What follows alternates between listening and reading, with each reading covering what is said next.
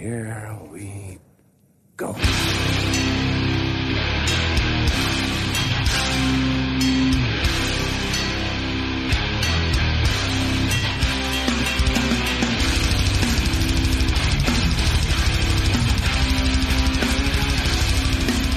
Ja men sådär då, nere på noll avsnitt 148. Jag, Robin Lindblad, sitter här med en punkkryssningsdissande David Olsson. Tja! Tja! Och eh, Semesterfirande. Danne Nätterdal. Tja. Tja! Hur mår ni? Eh, Jag mår skitbra eftersom jag har semester. David är deppig. Han hade åtta veckors helvete framför sig. Jobbmässigt. Så kan det gå. Och så ska jag avsluta det med en finländsk ja, exakt. Nej, men vi har, eh, spoiler alert, kollat igenom lite de här upcoming eh, punkkryssningarna som är på gång. Det är ju en del, det är close-up-båten, det är punkbåten, det är liksom, eh, heter den andra, eller den tredje trallbåten? Eller var det bara något som vi instiftade när vi kollade line-upen? jag har aldrig varit på en finlandsfärja. Någonsin. då är det ju bara att passa på. Jag var Du på, kommer älska det. Ja, känna. jag, jag, fan vet om det hette Gates of Metal-båten 2000. Det fanns en Jeffle metal-båt såg jag. Ja, precis. Jag var på något som heter Gates of Metal-båten 2005. Alltså det var ju, det var ett sjöslag alltså, verkligen. Eh, men eh, Dark Funeral var jävligt bra. Eh, nog om är det det. så att de har, är det, det finns inga tidsbegränsningar på sjön eller? Så Nej. att spelningen kan vara fem på morgonen? Ja men precis, och eh, ingen eh, begränsning på när på dygnet man måste sluta servera heller. Dock minns ju jag att de fick stänga taxfree eh, i förtid. För att vara slut? Ja men typ alltså. Eh, Tänk dig typ augustibulle ute på en båt. Det, det kanske ska vara något, det, ja men det kanske kan vara något för den här podden, alltså båtspecial. Eh, någon som har varit på mycket kryssningar och har sjuka historier. vi, vi gör en officiell shoutout. Men, eh, idag då ska vi hypa lite med vad som komma skall nästa vecka. Det blir inget direkt huvudtema idag, men vi tänkte väl beta av lite grejer som har hänt, grejer som är på gång och eh, låt oss börja, ta tjuren vid hornen direkt. På måndag så har ju Sommarpraten premiär. Vi har åtta veckor av sommarprat framför oss varje måndag. Klockan 12 kommer det droppas. Eh, och eh, ja, tänkte bara gå igenom lite snabbt här vilka det är som, eh, som ska snacka. Vi har eh, Henke, sångare i Outlast. Eh, och eh, Linköping legendar. ja, Med i Linköpingsavsnittet. Precis. Eh, som vi gjorde, var det förra sommaren? Eller var det året i, Det var ju året innan. Ja, det var Fan tiden går.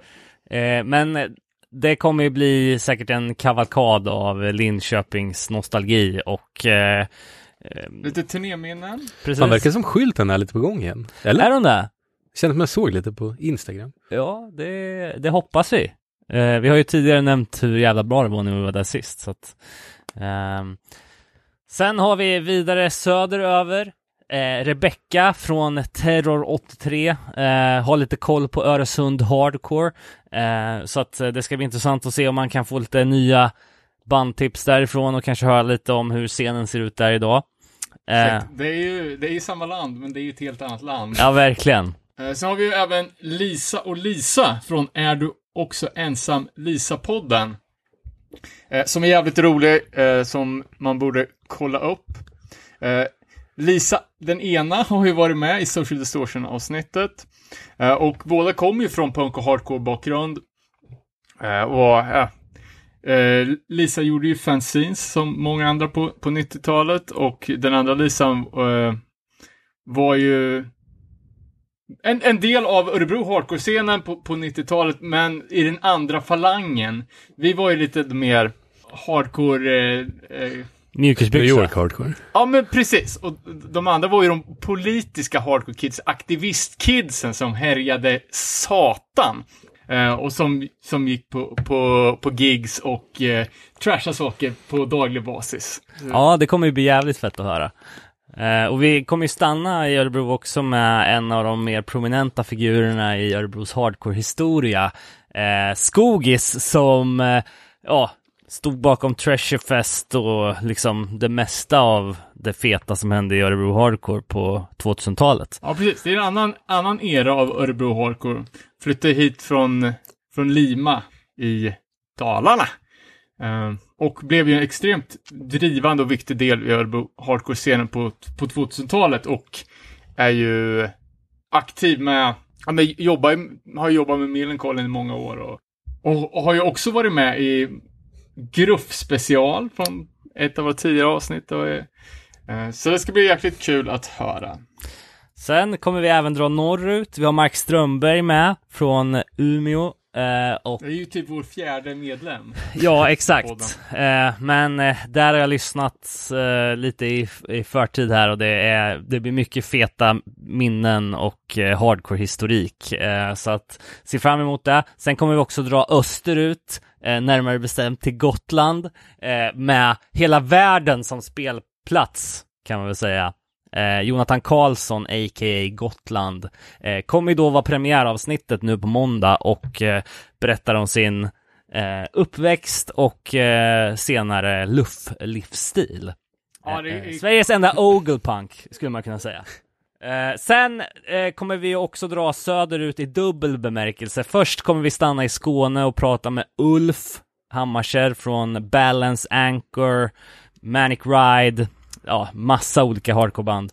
Eh, Också lite av en internetkändis här för något år sedan när han gjorde koloreringarna av gamla hardcore-foton som fick en jävla spridning. Precis.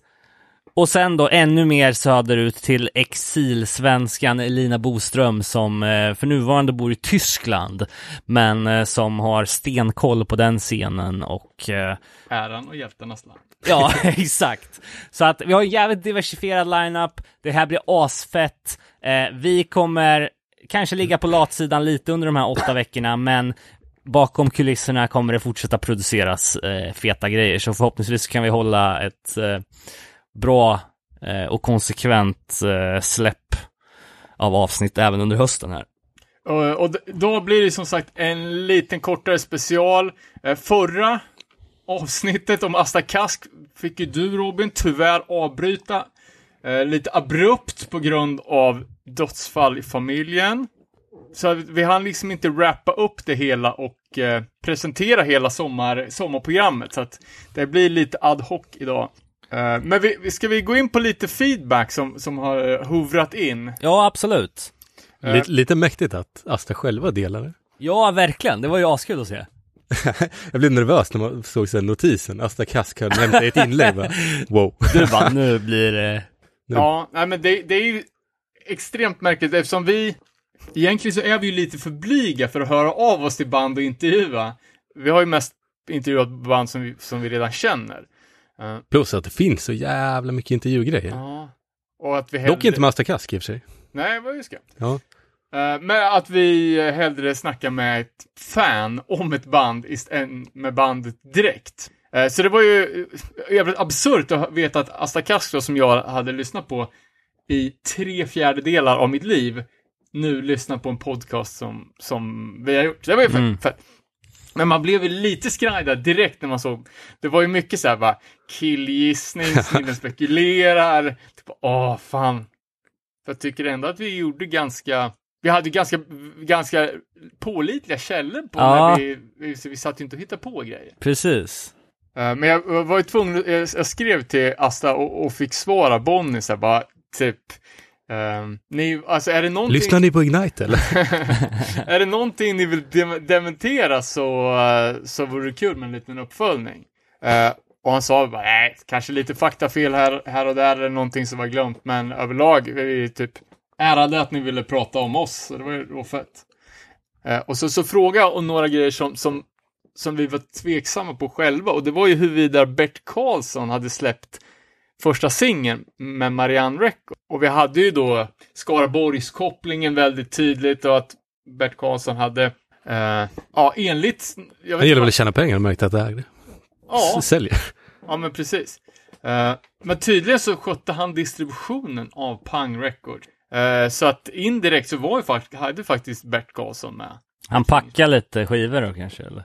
Ja, kanske hans, eh, Hans undersåtar. hans undersåtar. Eh, och Marianne Records tafsade ju lite på punkterritoriet när de släppte tusen skivor med Ultima Thule bara något år. David rynkar på pannan. Vadå punk? Men ja, det är väl det, det hårdaste i Ja, deras det var faktiskt eh, Bonnie som, som skrev det. Ja. Eh, och sen var det också den här... Skrev inte någon som feedback att de tyckte att Ultima Thules första band påminner om Asta Kask, eller vad det nu var. Eh, det vet jag inte. Eh, han, sa även att, att de själva inte visste om Maze i magen hade kommit på CD samtidigt som LPn. Eh, och avrundar vi lite med att de med flit har varit lite så här tvetydiga med historieberättningen. Liksom. För att, ja, för att de är det. Eh, Men jag kan ta lite Asta-feedback då från Martin Edgelius som live-kommenterade medan han lyssnade på avsnittet. Jag kan läsa hela inlägget. Mina första CD-skivor köpte jag året jag gick i sexan. 92-93. Och det inhandlades på skivavdelningen på Domus i Katrineholm. Eh, den första var Ebba, samlingen, och den andra var Asta Kask med Is i magen. Båda har jag kvar. Eh, och likt Daniel så har jag aldrig ut, utökat antalet punkband efter de där första åren. Eh, och han har en kille som jobbar på fritidsgården att tacka för att han hamnade på rätt. Första gången jag insåg att det fanns ett internationellt intresse för Asta var på gymnasiet, när någon italienare som jag tror hette Dario Ad- Admik, eh, som hade aldrig en LP på sin wantlist. Eh, och jag råkar veta att det fanns en på en skivbutik i stan, köpte den och bytte till med Uniform Choice Scream for Change. Nice. Eh, kan eventuellt ha fått lagt till två sjuorna, för en gång hade jag fyra och nu har jag bara två. Angående melodislingarna så baseras ju till exempel alla Toy Dolls-låtar på exakt samma upplägg. Eh, men Asta var, först, var säkert först i Sverige. Eh, och det där med folkmelodierna vet jag inte riktigt. Eh, Strebers 100%, men eh, ja, det kanske finns något stråk av det någonstans. Fan, vi snackar om Toy Dolls, ska inte de spela? På någon av de där punkbåtarna. Uh, jag har typ inte, jag bara lyssnar på alltså, de hitsen som man inte kan undvika. Eh, men jag lyssnar faktiskt på, på lite blandade Toy Dolls-låtar idag, bara för att kolla Asta-viben.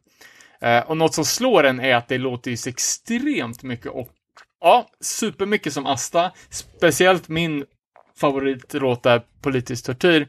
Men också av de amerikanska melodiösa hardcorebanden från typ samma tid. Mm. Uh, Adolescents Mm. och, och Descendants till, till, till exempel. Så att, ja men det, det fanns liksom eh, England, USA, Sverige Mm. eh, som, som kanske ja, fanns samtidigt ovetandes om varandra. Alternativt att alla redan kände till Toy Dolls och eh, rippade dem. Just det. Eh, ja, jag, jag såg att vi fick ett mejl från en Diana Kullberg som också ville förtydliga någonting. Hon skriver Hej på er, ville bara förtydliga angående Strebers i förra avsnittet om Asta. Strebers bildades 1982 och inga annat. Hälsningar Diana. All right. Eh, ja, första Strebers från 85, men det är klart att de harvar väl på med ett par år innan det. Jag vet inte, jag kommer inte ens ihåg vad vi sa. Eh, vi kommer ju 100% förr eller senare göra ett Strebers avsnitt också. Eh, sjukt legendariskt band.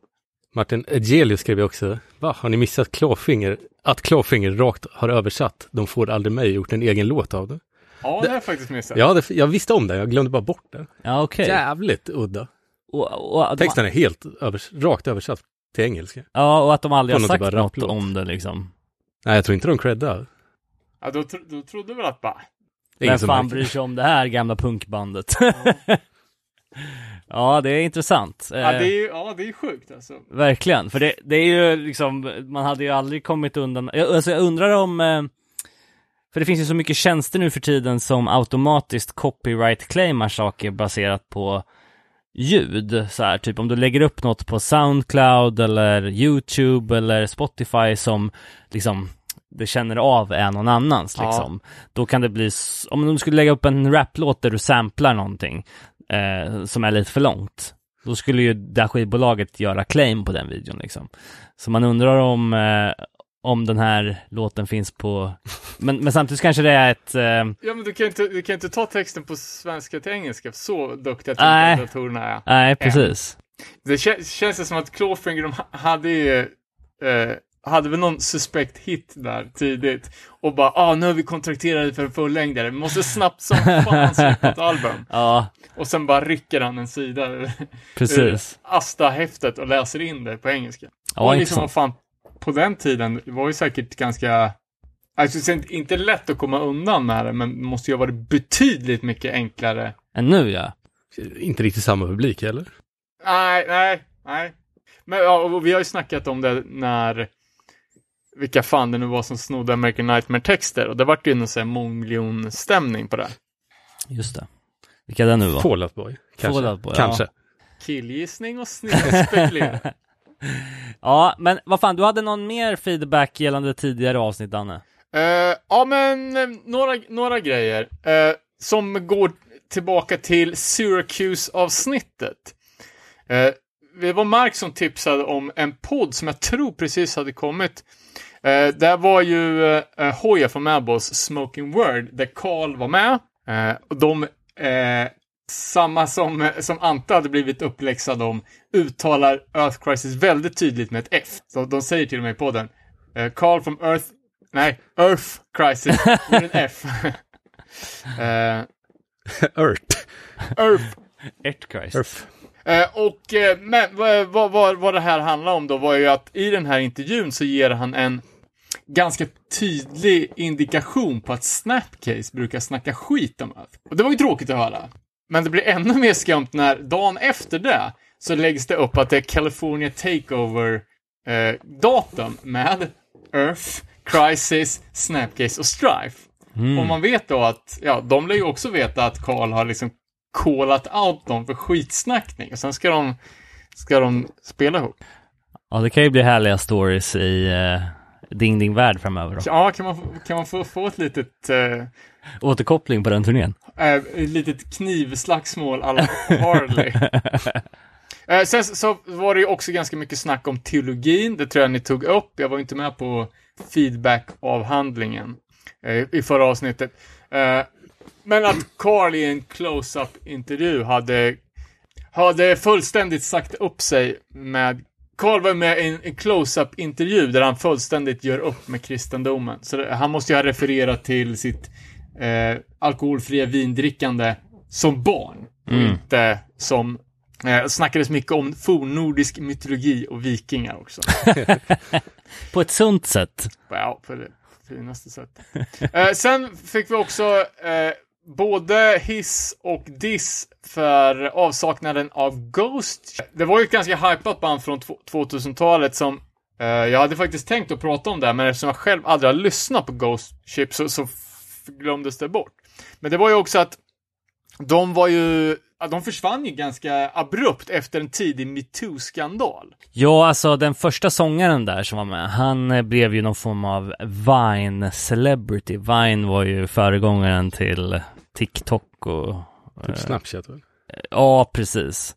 Men man la upp liksom små videos med musik och sen så, han var ju ett riktigt jävla as. Och han sjöng ju bara i, eh, eh, på den första där, Cold Truth. Eh, straight edge is my weapon of choice. Det här breakdownet är ju stenhårt. Men eh, det kom ju fram massa skit om honom. Han, han blev oustad. Sen kom det in en lite mer eh, en annan sångare, men det tog liksom aldrig fart sen. Så att, och, och de släppte ju de facto en skiva efter där, men den var inte alls lika bra. Det var ju den första som var riktigt fet när den kom Ja, 2010. men jag kommer, det var ju några band som kom där som, ja men också som vi, som jag tror vi nämnde, liksom de här åren när Straight Edge var lite på dekis, lite, det fanns inte så många band, och sen när det poppade upp någonting, till, till exempel de Seventh Dagger-banden, Mm. typ, och lite rebirth. Eh, sen en annan kul feedback från vad vi misstänker är ett alias. Star Singer skriver. Jävligt bra avsnitt som vanligt. Vi tackar. Först, angående Tidaholm och punk. Eh, vi pratar ju om avsaknaden av punkscen i Skaraborg på den västra sidan, tror jag. eh, men att det fanns en bra punkscen i Tidaholm. Eh, och då, nu är vi på Tidaholmsanstalten. Efter, ett, efter ett bråk på en avdelning så blev jag flyttad till en annan och fick där träffa en gammal X-team-snubbe som jag fick Strebers kaos och skrål av. Vi brukar också köra terror i gymmet. Angående Hardland från tidigare avsnitt så var jag på den enda Hardland-gatheringen i Sverige. Den var i någon håla utanför Göteborg. Jag har aldrig blivit så misspepp i hela mitt liv. Ja, fan, där skulle man Det vilja var höra inte mer om. som eh, Gathering of the Juggalos alltså, utan Ja, det var en besvikelse tydligen. Eh, sen eh, indirekt feedback. Jag sa ju i Syracuse-avsnittet om att ingenting eh, av de här Syracuse-banden, varken från första eller andra eran, hade återsläppts. Ta mig fan, typ dagen efter så annonserades Santa Sagre eh, reissue. Fan, det är återigen... Tesen bustad direkt. Ja, men Ja, sen det avsnittet har jag lyssnat rätt- mycket på Freja. Det är fan jävligt bra. Ja, jag tyckte också att det, alltså som jag sa, jag har- slaggat på dem hela tiden, men Ja, jag, jag tyckte med. också att det var klart över förväntan. Hade vi någon mer feedback eller ska vi ta lite aktuellt jox? Ja, men vi kan väl ta det. Eh, vi lyssnade innan vi startade avsnittet här på LA Punkers Section Hate som har släppt en låt tillsammans med Tim Armstrong från Rancid. Eh, det här eh, Section Hate som har ett fantastiskt Instagram-konto där de postar liveklipp från deras jävla LA Riot-gig. Ja, jag, fatt, jag, fatt, jag har sett det, men jag har inte riktigt satt, satt mig in i det. Var det deras spelning eller spelar de på, på en händelse? Ja, jag vet inte, men jag tror, jag tror att det var en, en hardcore-spelning som var anordnad, Ja. anordnad liksom. Eh, och att folk gick man ur huset vid... Men det vid känns en lite som att folk, eh, corona släppte lös det. Och gick Ja, men bananas. precis. Precis. Ja, det var mycket fyrverkerier i pitten och jävligt mycket folk. Ja, Och att det verkar som den här spelningen var ju typ bara uppsmällda under en bro. ja men precis. Eh, det som man kan notera med den här låten då som heter Street Sweeper, det är ju att den här fantastiska eh, stämpeln Parental Advisory Explicit Content verkar vara på väg tillbaks. Den finns stämplad hela vägen över det här eh, klippet. Så att eh, Ja, eh, de har ju eh, en skiva på gång som heter Welcome to the Nightmare som släpps på, eh, i slutet av juli via Flatspot. Så att, eh, Skandalöst fullt omslag tycker jag tyvärr. Jag tyckte det var lite coolt. Alltså, ja, det, det är jag som inte hänger med. Eh, vi, ja, Se- Section 8, vi har väl nämnt dem, dem tidigare. Eh, det är ju då frontet av Mexi Mike från tidigare favoritbandet Furious Styles. Eh, som eh, vi hade äran att ha i Örebro mm. under deras peak. Eh, extremt nice gäng. Eh, och de, de var ju... Den blåa. Ja, eh, The Blue Album. Den heter Shatterproof. Jo, det är, det är en av de bästa låtarna. Life Lessons heter den. Just det. Uh, men då kom ju in och gjorde väl typ en eh, 2000, to- eh, 2000 eh, variant av Downset. Typ mixa lite rap flow med, med breakdowns. Det eh, tycker jag var extremt bra när, när, när den skivan kom. Eh, sen gi- gick ju eh, Michael Torres, som han heter tror jag, vidare och startade ett någon typ av krustband. Så från eh, lite så här new era keps bling bling rap hardcore så vart det krust. Eh, och det bandet hette ju Nomads. Just det, det var ett jävla kliv. Ja, det var ju extremt skumt. Sen var, var det med, med Nomads släppte ju en Flexi 7 som följde med den här XXX fanzine-boken också. Aha. Som var, Va? Han kan inte vara straight edge. nej, super random medskick. Jag tror det var Bridge 9 som släppte det. Att det var liksom en, en freebie om man köpte den här boken. Super, super skumt. Och jag tror, nu, nu är det en spekulerad killgissning igen, men jag för mig att det här bandet, Nomads, var associerade med, eller splittade med Death March. Aha. Som var alltså Skinhead Rob Jaha. krustband.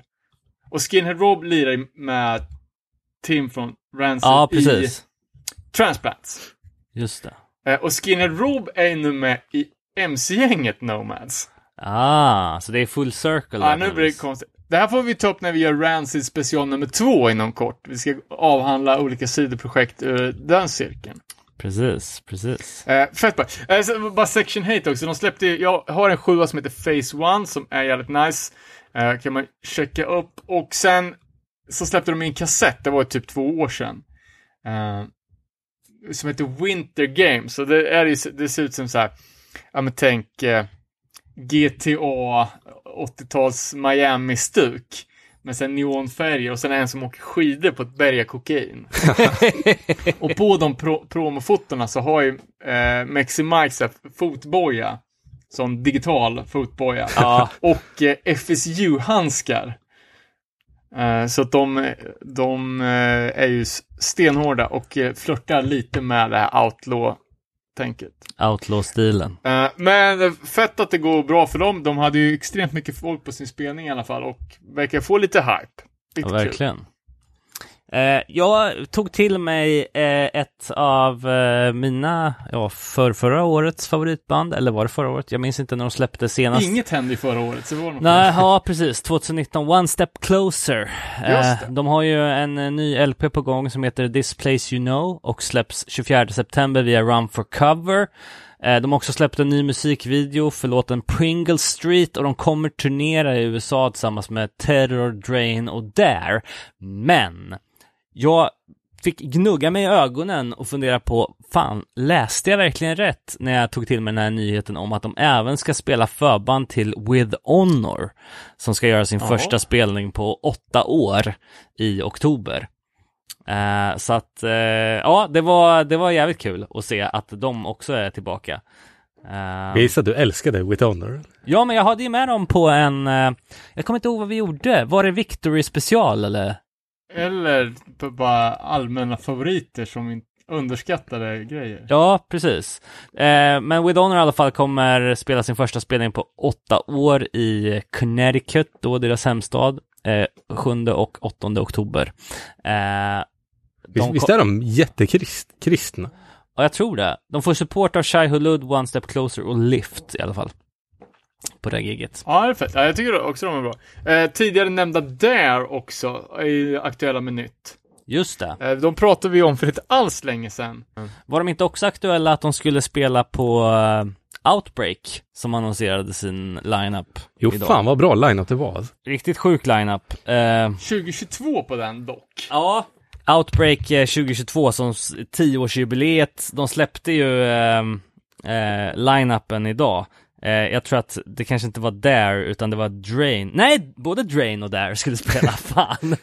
eh, men tillsammans med Turnstile, Knock Loose, Basement, Youth of Today, Madball, Terror, Vain, eh, alltså Incendiary, Nothing, Venom Prison, Fiddlehead, Chubby and the Gang, Eh, Big Cheese, ja det är ju Sibalba, God's Hate, Year of the Knife, alltså det är ju en riktigt Det sten. här borde vi åka på. Ja, Jag vet att du vill åka på Hellfest. jag vill åka på jag kollar- Hellfest. Det är nio dagar. Det är Speciellt- helt omöjligt. Ja men det är ju fantastiskt. Eh, liksom nio dagar av total misär. Jag är ju, jag är för fan, jag har ju köpt tält. Alltså, full, full, jag är, är kittad liksom. Så att, eh, jag, lätt att jag kan åka på Hellfest i nio dagar. Ja, det är ju så jävla... Varken mitt psyke eller lever kommer jag orka med. Ja, för den, ja, vi, jag tror vi snackade om det när, när den line-upen kom, att det var typ alla band du kan tänka dig i alla, alla Ja, men något alltså- sådana här hårda genrer. Precis. Men att det är nio dagar, det är ju fan helt... Men, helt vansinnigt. men är det inte- rekord. Men är det inte fantastiskt med en festival som bara, okej, vi har inte fått haft någon på två år, vi slår ihop tre års budgetar och gör liksom en megafestival av det. Ja, problemet är när det är så extremt bra line-up. Alltså allas favoritband spelar ju eftersom alla band spelar. Mm. Och då, och sen när det blir så här 30 000 på en festival, det blir för mycket. Det blir liksom, ja, du har sett en skymt av ditt favoritband, men du har stått så långt bort så du har inte sett dem och du har knappt hört dem heller. Alltså, det blir ju aldrig några bra gigs. Om de hade bokat Misfit, då det hade varit en sak. Den såg i och för sig kort, då hade man ju absolut inte sett honom. Får man ju stå med stilter. Alternativt kniva sig fram för att få en bra plats. Ja. Men, men uh, Outbreak Fest, om det är på, på samma ställe, så då är det ju liksom en inomhusvenue. Nej, men det är det faktiskt Det är inte. Manchester. Det är Manchester, så att det är lätt att ta sig dit också. All right. Ja, för det var ju det som var så tråkigt med Outbreak Fest tidigare år när det var i Leeds. Att Ja. man var tvungen att åka så jävla mycket emellan. Men eh, ungefär om exakt ett år då, 24 till 26 juni. Jag har alltid velat åka till Manchester. Vi, det här händer ju. Ja. Lätt. Eh, Ska sen- släppa med på Oasis Turism. Alltså. jag trodde du skulle släppa med oss på eh, Ja, men jag gjorde ju Smiths... eh, Ja, exakt. Smi- såg- Morrissey Safari. Såg Johnny Marr Ja, just in det. store. Det var ju jävligt mycket. Just det. Jag ska bara kolla om det var något mer. Eh, ja, men eh, jag kan bara nämna, jag har ju en liten hatkärleksaffär för Chubby and the Gang som alla verkar tycka är världens bästa band. Eh, inget fel på dem. Eh, men jag hade ju en spaning om det här, vet, att man inte kan bara spela punk längre, utan det måste vara punk och. Ja, Eh, Chubby and the Gang fick ju en jättemycket press på sin förra platta som, som kom förra året. Eller var det året innan? Eh, med att de spelar punk slash pubrock. Eh, och jag tror det var i eftersnacksgruppen det snackades om att om den här skivan och att folk tycker den är bra men att det är fan inte pubrock i alla fall. Chubby and the Gang släppte en ny singel, ja, en vecka sedan kanske. Eh, under en ny då. Nu kör de alltså punk slash doo-wop. vad fan är det? Vad fan är men det är sån här dansmusik väl? Nej, det är... Är det dansband eller? Nej. Alltså 60-tals... Eh, Ja, Som man så- Sång... För barbershop, är det inte? Ja, Typ ja. hållet. precis. Men jag tänker bara... du ba du Ja. Ja. Ja, men exakt. ja, jag... och det är, är det det? Nej, det är klart det inte. De är det är bara- bara att de behöver, behöver ha en liksom otippad genre och, och korsa punk med så att de ska få lite mer press på sin nya skiva. Ja, och sen så liksom oavsett vad man söker på för musikstil på olika sajter så kommer deras band dyka upp. Ja. Det är smart. Eh, De släppte ju även någon ballad som var med på den här. Som också, det var väl inget fel på den, men... eh, Det var en ballad. Jag gillar i och för sig den första skivan. Ja, men jag var lite som du, jävligt tveksam för att man inte vill vara den som är den. Men den, Nej. den är jävligt bra. Det blir, ja, överhype är ju lite, då måste man ju vara den som ska vara kärringen mot strömmen i alla lägen. Tyvärr- det det coolaste med den var ju att man, att man fick det där limited edition-omslaget och en ask kriter. Så man kunde rita ett själv. Annat kul då från eftersnacksgruppen. Eh, det var lite snack om Breach. Eh, ett band som står jävligt högt på vårat att göra special slash intervjua lista. Eh, vi har ju till och med haft bokade flygbiljetter till Luleå för att göra det här, men det eh, kom lite skit emellan. Hoppas på att det fortfarande är aktuellt. Hur som helst, eh, Erik Olsson skickade in eh, kul grej. Skriver så här. För er som någon gång har lyssnat på vår, alltså Millencolins låt Black Gold. Broke some fingers of Magnus. Eh, textrad ur den låten då. Eh, Magnus var ju basist eh, i Refused, eh, som, ah, han lirar ju också i Breach. Eh, på en gemensam turné som vi gjorde 1997. Nikola brottades med Magnus under något soundcheck i Frankrike och bröt ett par fingrar på honom. Tack och hej. Då var det bara att flyga hem. Och det var tyvärr det sista han fick göra i Refused också. Eh, mycket trevlig dude, värd ett bättre öde än att få en lätt överviktig skatepunksångare över sig. Fantastiskt. Och Millencolin är ju fan experter på så här, interna skämt och direktöversättningar och sånt. Så det, det finns säkert mycket man skulle kunna ja, men identifiera och få utrett i, i Millentext. Uh, ja, vi kan få det här också, måste vi säga, att uh, jävligt tråkiga nyheter. Basisten Stu från Bane, Brandon Maguire, uh, gick tragiskt bort i cancer här för några veckor sedan. Eller för någon vecka sedan. Uh, han spelade ju gitarr i Reach the Sky, men också bas i Bane då. Och ja, 27 juni så var det tyvärr över. Eh, Så det är jävligt tråkigt. Ännu en hardcore-legend som går ur tiden.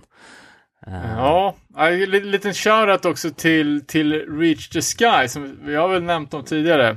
Eh, I Blood for Blood-avsnittet bland annat när Mm. de hade gemensam medlem. Men ett underskattat band som jag tror alla vi gillar.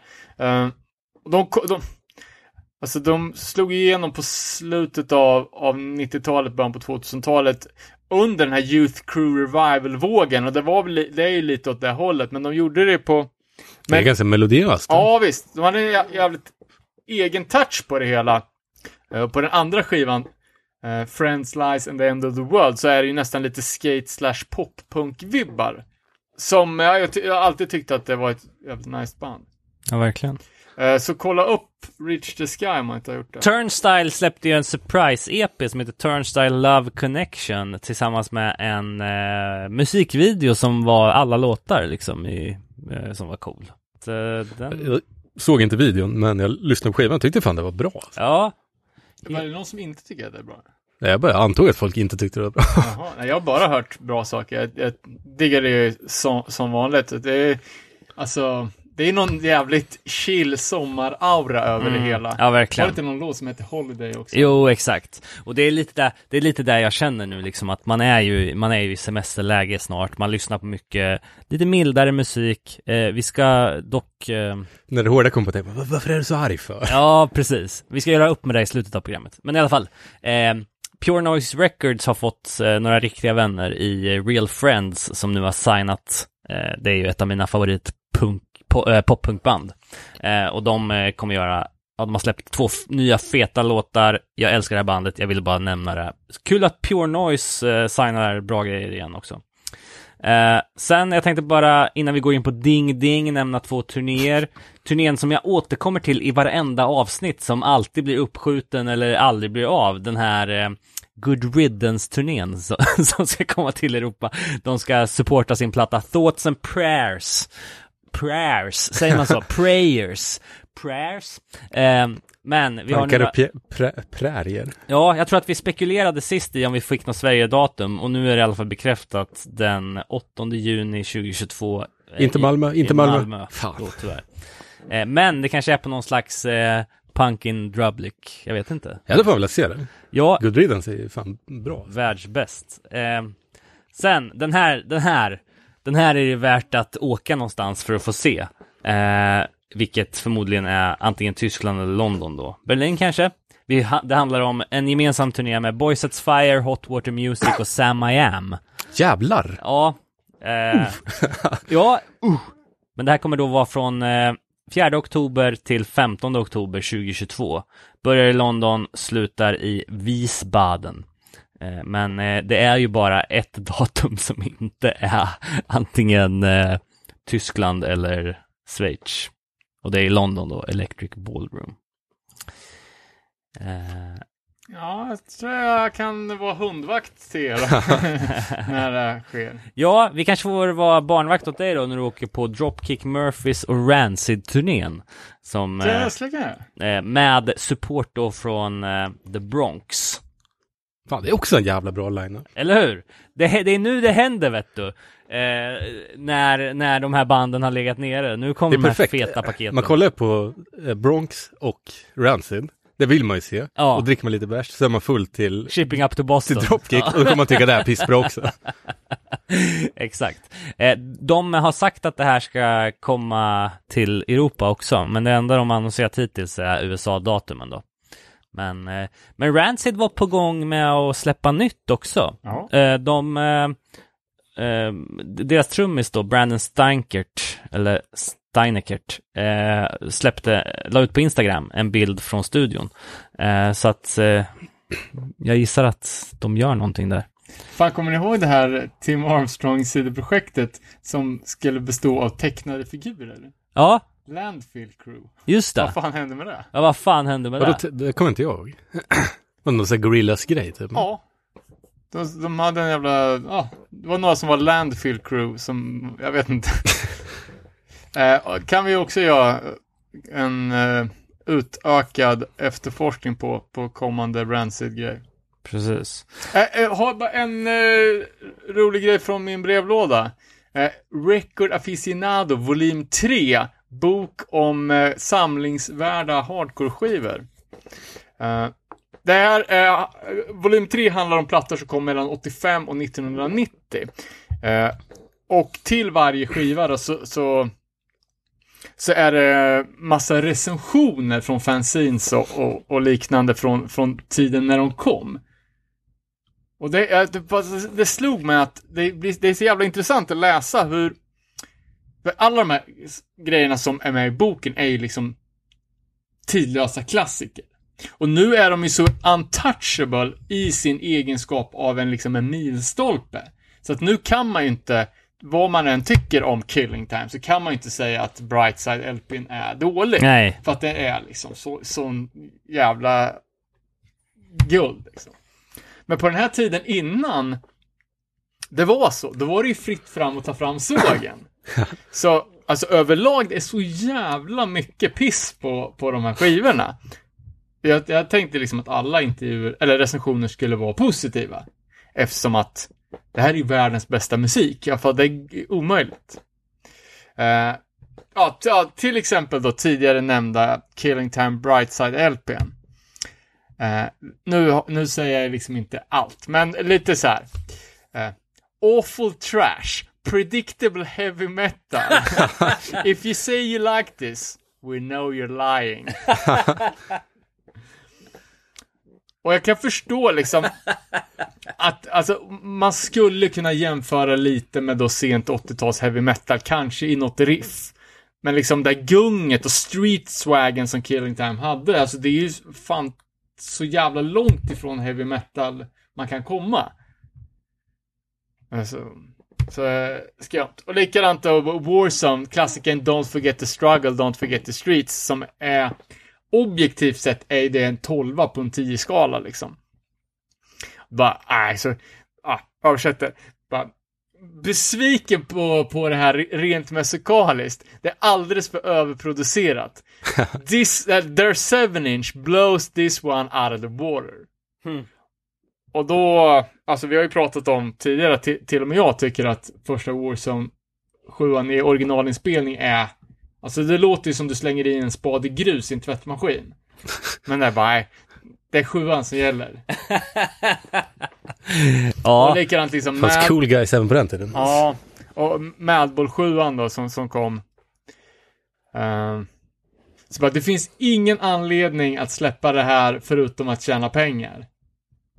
Och så bara, "Ah, okej, nu har ju Madball ändå harvat på i snart, vad fan är det, 33 år.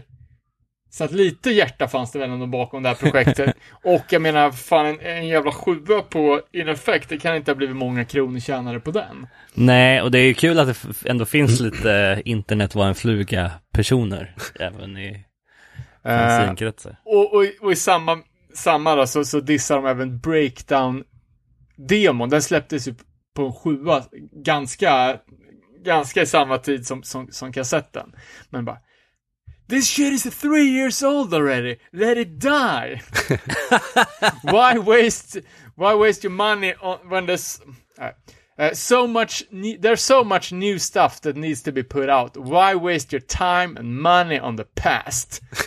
Och där kan man ta, det är en modern kontext när det bara är reissues som kommer ut. Ja, verkligen.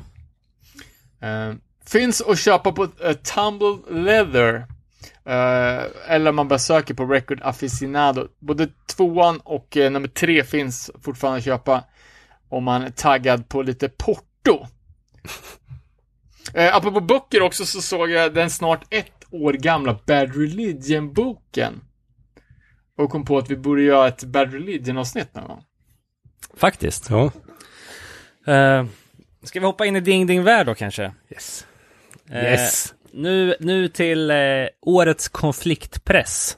Eh, det vill säga den här reissuen av Age of Quarrel som vi har haft som eh, någon form av följetong här. Eh, för er som inte har hört så var det ju origina, eh, originally, alltså från början tänkt att lanseras i samband med Record Store Day. Men eh, eftersom det här är en så jävla, eh, det finns så mycket skit kring den här releasen liksom att eh, och, och, Ja, men Chromax hade väl ett bedrövligt kontrakt. Ja, precis. Eh, originalreleasen var väl på Profile slash Rock Hotel och alltså massa olika labels, inklusive då medlemmarna i bandet, Flanagan, Josef, alla har liksom sagt att de har rättigheter till den här plattan. Vägrade sanktionera den här releasen, så jag vet inte ens hur de kom på från början att den skulle släppas i samband med Record Store Day, men Ja, nu- men alltså, har man rättigheten så behöver du ingen konsens från, eh, från bandet. Nej. Bara släppa. precis, men när det är så himla oklart Ja. Så kan man ju tycka. Men nu på något sätt, om de har ramlat av en lastbil eller vad det är, så börjar pressarna komma ut till eh, den generella massan då. Eh, och eh, det som man kan se på de här skivorna då, det är att eh, labeln som finns angedd på på den här pressen är Profile slash Rock Hotel. Eh, och båda de bolagen har ju varit liksom borta hundratusen år. Eh, Arista köpte väl Profile i slutet av 90-talet. Sony köpte, Ari- eh, köpte Arista 2004. Eh, och eh, alltså adressen till skivbolaget som står på den här reissuen är liksom eh, det gamla kontoret till Profile. Så att ehm, ja, jag vet inte. Det, och det är oklart också hur de här skivorna har nått folk. Om de har sålts i butiker i samband med Record Store Day eller om de har ramlat av en lastbil eller så här. Jag har faktiskt inte sett några pre-orders på det här. Jag brukar övervaka skivsläpp ganska noga. Jag har inte sett att det har gått att köpa. Nej, och det här kommer väl bli liksom ett framtida spöke i katalogen liksom. Eh, så att, eh, ja. Tråkigt för er som samlar. Eh, Man kan med, med gott samvete skita i den där. ja. Sen har jag ett 11x av original pro Profile Rock Hotels släppet, så att för mig så är det lugnt. Just det. Eh, innan vi börjar prata om vinylklubben så måste jag bara nämna den här tunten som har plankat våran idé. Jeff Bezos, är det någon som har hört talas om honom?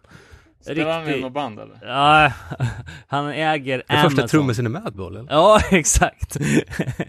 eh, de har ju nu startat en Vinyl of the Month Club. Eh, för roligt. 250 spänn plus shipping så får man en Surprise Classic Rock Record mailed to your door. Eh, vilket eh, Hur mycket kostar det så? eh, 25 dollar plus shipping. Du kan lika gärna köpa den på din lokala affär för 15 dollar liksom. Utan att behöva Eh, Men då får du inte överraskningsmomentet. Nej, exakt. Och det överraskningsmomentet har då hittills de första två månaderna varit Pink Floyds The Wall och The Clash London Calling. Var synd. Så att, eh, ja. Det om det. Det var ding ding värld. Eh, ska vi prata lite om vinylklubben eller? Eh, ja, eh, innan midsommar så postade jag ut juni månads släpp. Eh, Tusen, tusen ögon. Tusen ögon. Ett omslag som jag måste säga är så jävla bra och coolt. Och skivan är ju dunder också. Ja, jag tycker, jag var fan lite skeptisk. Det är våran kära kompis Lill-Danne som har släppt på Lätta Börder. Han hörde ju av sig direkt. Åh, fan det här kommer jag, kommer jag släppa senare. Kolla upp, du kommer älska det. Var lite skeptisk vid första lyssningen, men sen så växte det på mig som fan. Eh, jag tycker det är pissbra. Det är lite sån svensk depp-punk som vi är väldigt förtjusta i. Eh, så det var ju... De skulle spela Örebro snart. Ja, Eller snart. Eh, höst. Okej. Senhöst. Fett. Eh, så det var en, en perfekt win-win situation att vi kunde gö- göra en eh, limited-variant till vinylklubben. Och eh, sjuan sålde slut typ en dag efter att vi hade claimat våra ex. Eh, så det var ju svinfett. Eh, vi har ju nu två beställda skivor som är på ingång. Vi får se när, när de kan tänkas landa. Kommer bli guld i två olika genrer från två olika världsdelar. En har ju landat idag och är jävligt fet. Eh, mer så kan vi inte säga. eh, ja, så att eh, fan. Peppa upp det. Eh, peppa upp för sommarpraten. Eh, jag vet inte, har ni något mer? Annars tänkte jag avsluta med en grej. Ett nytt moment. Yes. Ja, jag har två, so so två saker till. Ett inskick. Eh, enmans skatepunkbandet Boll Me Up.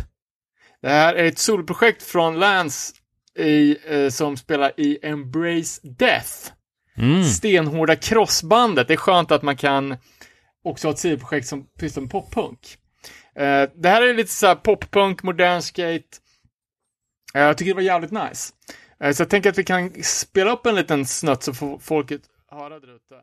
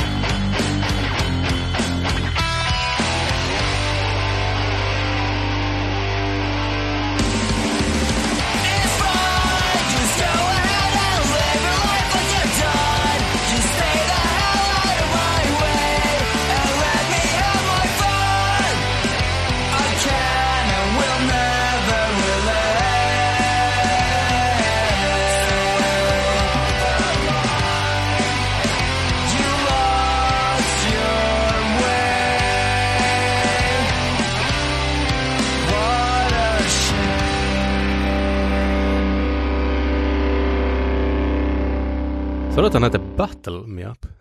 Eh, bottle me up, ursäkta. Butthole. Dåligt. Åh du! Vad sjukaste såg att eh, Butthole Surfers, eh, extremt skumma Texas punkbandet från 80-talet ska släppa en collab med Supreme. What? Ja, det tyckte Är Supreme de creddiga eller? tydligen. Jaha. Det tyckte Supreme-fansen också. Jag följer någon sån här, ja men du vet, Supreme Leaks-konto. Eh, och det, då och då så är det ju fake-grejer, liksom som, som aldrig blir av. Men Butthole Serve, alltså det är ju så jävla konstigt så att det måste ju vara sant. Eh, då var det liksom en hel kollektion. Då har de gjort Misfits, Dead Kennedys, The Clash, Säkert, ja.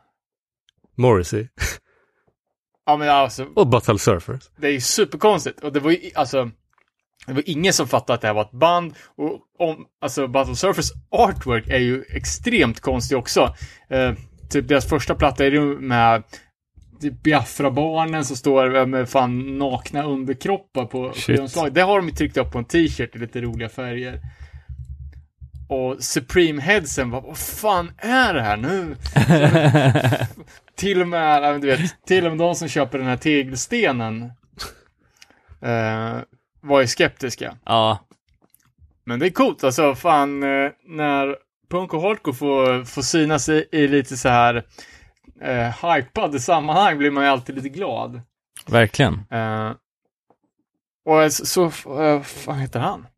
Skatare, eh, svart, ska till OS, amerikan, vann över Oski. Sion. Sign Right. Eh, jag såg till exempel eh, Sign Right, super, superstort namn inom skateboard, som eh, körde med en Suicidal Tendencies-tröja. Hårt. Eh, och han Sean Jordan, annan stort namn inom skateboard, nu var ju med i Toby Moores podcast. Ja, just det. avsnittet. Precis. Det drar snart igång va? OS? Ja, fan dålig Jag blir så, koll på ja, det, är, men det är brukar typ vara- nu. Ja, det brukar vara i augusti kanske. Sean White vinner.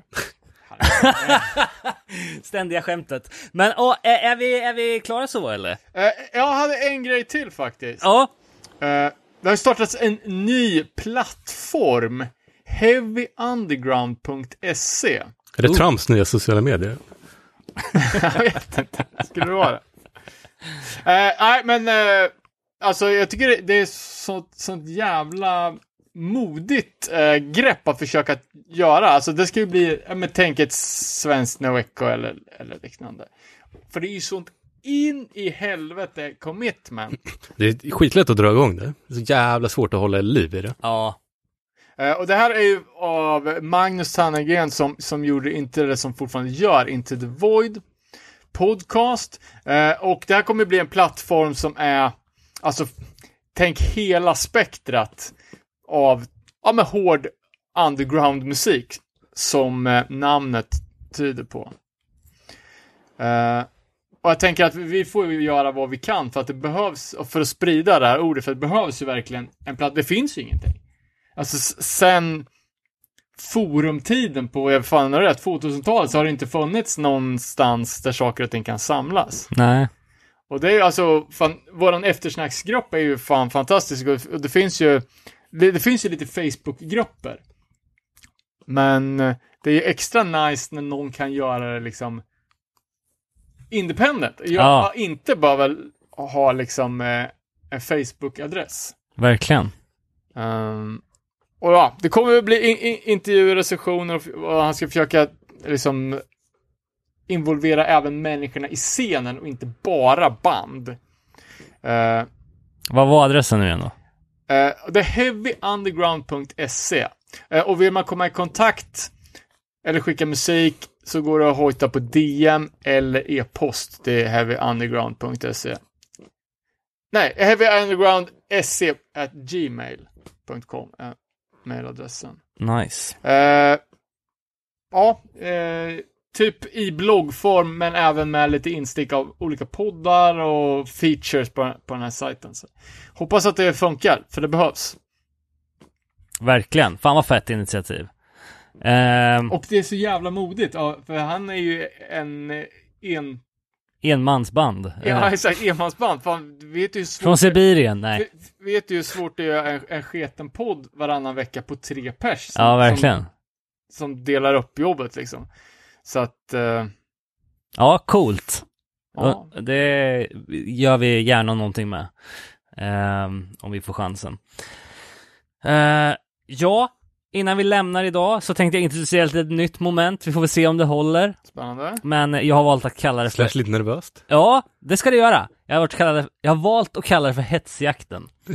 Eh, det här är då, jag drar fram en skiva ur lådan. Ni har 90 sekunder på er att nämna så många låtar på den här skivan som möjligt. Oh my god. Eh, och eh, sen så kan vi, ni får ju samarbeta såklart. Eh, men, eh, Ja, jag trodde det var så här, jag säger en så måste du säga en. Så, ja nej nej. den grejen. Jag tänker att ni får slå era kroka huvuden ihop och försöka samarbeta här då.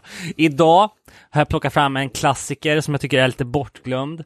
Vi talar om Shattered Realms, Broken Ties, Spoken Lies. Oh. Eh, från 2002.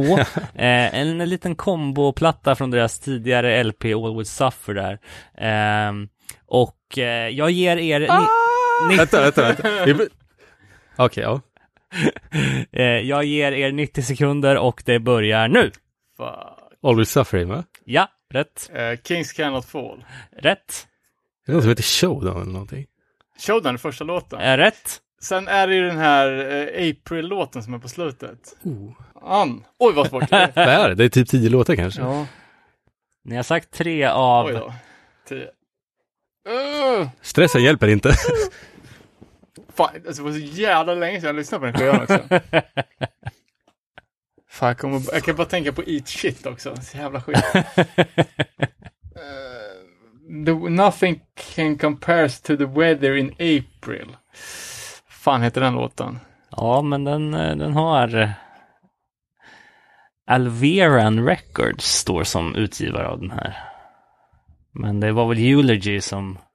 Alvaran var det europeiska Ja, som släppte den. Uh, Åh, eh, fuck vad svårt det blev.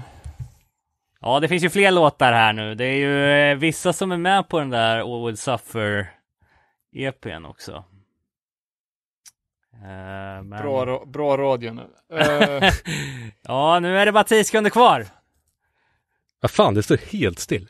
Sa du Kings Cannot Fall? Ja, det Ja. gjorde du. Nej, tyvärr. fuck. Där var det. Ni fick i alla fall tre av tio. Det är ju en start. Eh, ni hade rätt, det börjar med Showdown. Sen har vi Blackest Dawn. This World Is Mine. Ah, vad fan. Kings Cannot Fall. Last Straw. Just det. Medusa. Åh, fan. All Will Suffer. Åh, No Mercy. You've Been Warned. Och i slutet då, något som har med april att göra. The April Situation. Fan! Ah, jag hade det på tungan. Så att, ja, det var inte det lättaste, men kul ändå att Eh. bli slängd på eldprov sådär. Ja visst, det är ju eh, Det är ju, eh, kan ju vara kul att, att se hur mycket man kan om de här gamla plattorna. Vi får väl ta något lite mer klassiskt nästa gång, men eh, Nej, det var inte det. Nej, det var kul alltså. Skitkul. Ja, liksom låttitlar. Jag är väldigt fokuserad på albumtitlar Ja. och så vidare. Men låtar är ju, det är ju mycket, mycket svårare. Vad kul. man kanske även kan steppa upp det här konceptet till att säga skivor av en, ett bands diskografi. Eller så. Vi får väl se. Det känns som att det ska vara lättare. Ja. Men det ska inte vara lätt här i livet. Nej, det var kul, det var kul. Precis. Bra initiativ. Eh, ja, nej men bra. Då laddar vi inför sommarprat på måndag och sen så eh, får vi se när vi återkommer med något fett under sommaren här efter sommarpraten. Åtta veckor bort. Vi önskar er alla en trevlig sommar och lyssna och sprid gärna sommarpraten. Det kommer bli asfett det här. Please do. Ha det så bra. Lyssna på hardcore. SD är fortfarande rasister.